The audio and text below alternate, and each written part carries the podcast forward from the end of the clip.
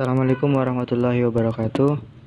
Nah, pada episode kali ini saya akan membahas tentang proskastinasi. Apa sih proskastinasi itu? Jadi, proskastinasi itu berasal dari bahasa Latin, yaitu dari kata pro yang berarti maju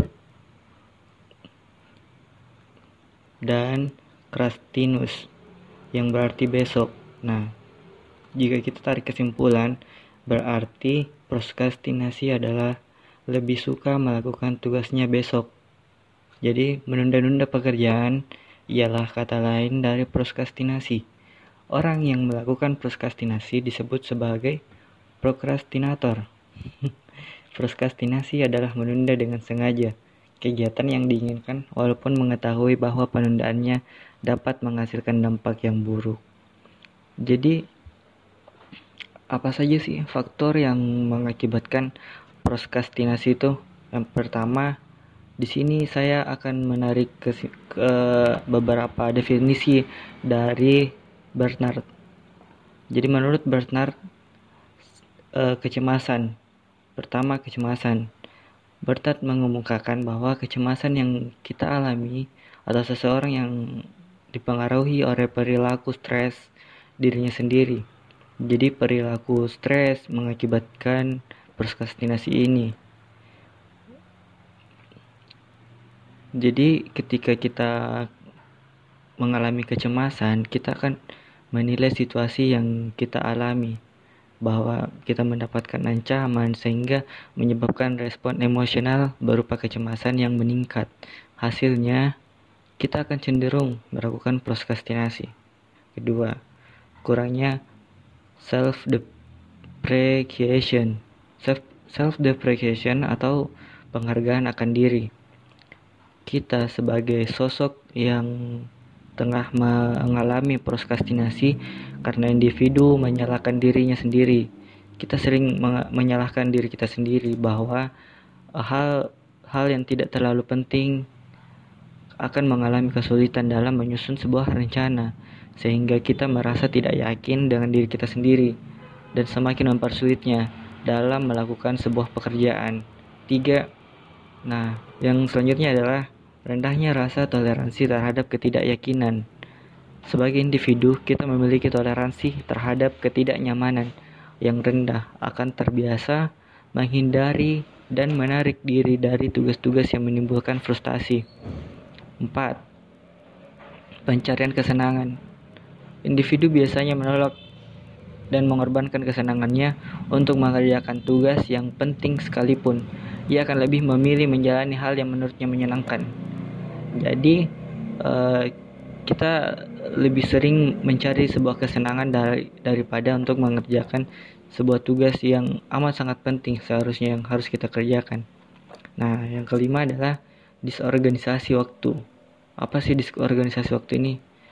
Sebagai individu, mungkin saja kita melakukan prokrastinasi karena terlalu banyaknya waktu yang terbuang sia-sia. Jadi, perlunya manajemen waktu.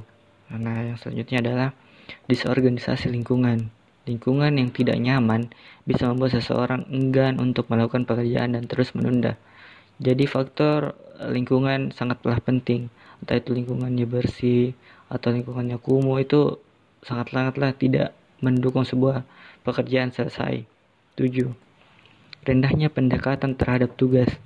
Proskastinator biasa disebabkan karena kurangnya pemahaman seseorang akan tugasnya yang dikerjakan sehingga ia kesulitan dan memilih untuk menunda sebuah pekerjaan tersebut. Jadi apabila kita tidak memiliki sebuah pemahaman akan tugas kita, kita boleh bertanya kepada siapa pun Hilangkan rasa-rasa canggung untuk bertanya. 8. Kurangnya asertivitas. Tidak bisa mengatakan tidak menjadi salah satu penyebab proskastinasi. Meskipun dia sebenarnya tidak ingin melakukannya atau tidak memiliki cukup waktu, namun karena ketidak asertifannya, ia menerima pekerjaan tersebut, tapi pada akhirnya menunda-nunda pekerjaan karena tidak suka atau tidak memiliki cukup waktu. Jadi beranilah mengatakan tidak meskipun itu adalah sahabatmu, pacarmu ataupun siapa pun itu. Kekerasan terhadap orang lain. Nah, faktor selanjutnya adalah kekerasan terhadap orang lain. faktor kemarahan bisa menjadi penyebab timbulnya prokrastinasi. Misalnya saja, seseorang merasa kecewa dengan rekan kerjanya sehingga ia enggan melakukan tugas yang rekan kerjanya berikan. Jadi kita sebagai teman harus mementingkan juga apa hmm. yang teman-teman kita kerjakan. Tidak seenaknya saja untuk memberikan sebuah sebuah pekerjaan kepada teman kita. Nah, 10. Stres dan kelelahan. Seringkali stres dan kelelahan juga akan membuat seseorang melakukan prokrastinasi. Kita tidak mampu mengerjakan tugas secara maksimal sehingga kita terus menunda pekerjaan tersebut sampai ia tidak merasa lelah atau stres. Jadi mungkin yang poin terakhir ini kita atau teman-teman semua biasa alami stres dan kelelahan. Nah, selain dari faktor-faktor penyebab ini ada terus gimana sih cara menyelesaikannya ini? Nah, cara menyelesaikan prokrastinasi itu ada beberapa contoh. Kita bisa manajemen waktu dengan baik. Untuk mengurangi penundaan tugas, kita mampu membuat atau memahami kuadran waktu tersendiri kita memiliki sama-sama waktu 24 jam. Kita gunakan 24 jam itu seefisien mungkin. Misalnya beberapa jam waktu untuk belajar, berapa jam untuk waktu bermain, tidur, dan kapan saatnya kita harus memberikan reward untuk diri kita sendiri. Sebab menurut penelitian keberhasilan manajemen waktu dapat berguna untuk meningkatkan keyakinan diri. Nah selanjutnya kita harus yakin terhadap diri kita sendiri. Kurangnya keyakinan kurangnya keyakinan kita untuk melakukan suatu pekerjaan dapat membuat pekerjaan itu semakin tertunda. Nah, jadi kita harus harus yakin dulu terhadap kita diri kita sendiri. Nah, selanjutnya adalah jangan pernah takut untuk salah. Takut berbuat salah terhadap apa yang kita kerjakan cenderung menyebabkan penundaan. Berbuat salah itu wajar, tapi terlalu takut untuk bertindak perlu dikurangi. Ingatlah, bahwa untuk menjadi benar itu tidak instan. Kita perlu untuk salah beberapa kali hingga kita tahu mana yang benar. Kita perlu evaluasi setelah kita salah. Jadi kerjakan dulu apa yang menjadi tugas kita, lalu belajarlah dari kesalahan tersebut untuk memperbaiki di kemudian hari. Nah, selanjutnya adalah membuat rincian pekerjaan. Seringkali kita melupakan untuk membuat daftar-daftar pekerjaan apa saja yang ingin kita kerjakan.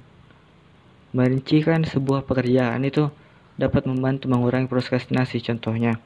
Ketika kita diberikan tugas atau pekerjaan untuk membuat sebuah penelitian atau apa pun itu, teruskan langkah-langkah agar tugas tersebut bisa selesai.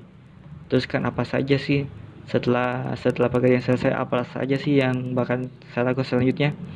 Jadi melakukan sebuah penelitian, kita jadwalkan untuk melakukan observasi riset pendahuluan seminggu pertama. Setelah mendapatkan hasil observasi di minggu kedua, kita akan uh, menggunakan hasil analisis itu temuan lapangan. Intinya tulis tahap-tahapnya untuk menyelesaikan sebuah masalah atau untuk menyelesaikan sebuah pekerjaan kita. Nah, mungkin itu aja sih yang bisa saya sampaikan. Adapun yang kurang ya kita sama-sama belajarlah di sini. Sekian, assalamualaikum warahmatullahi wabarakatuh.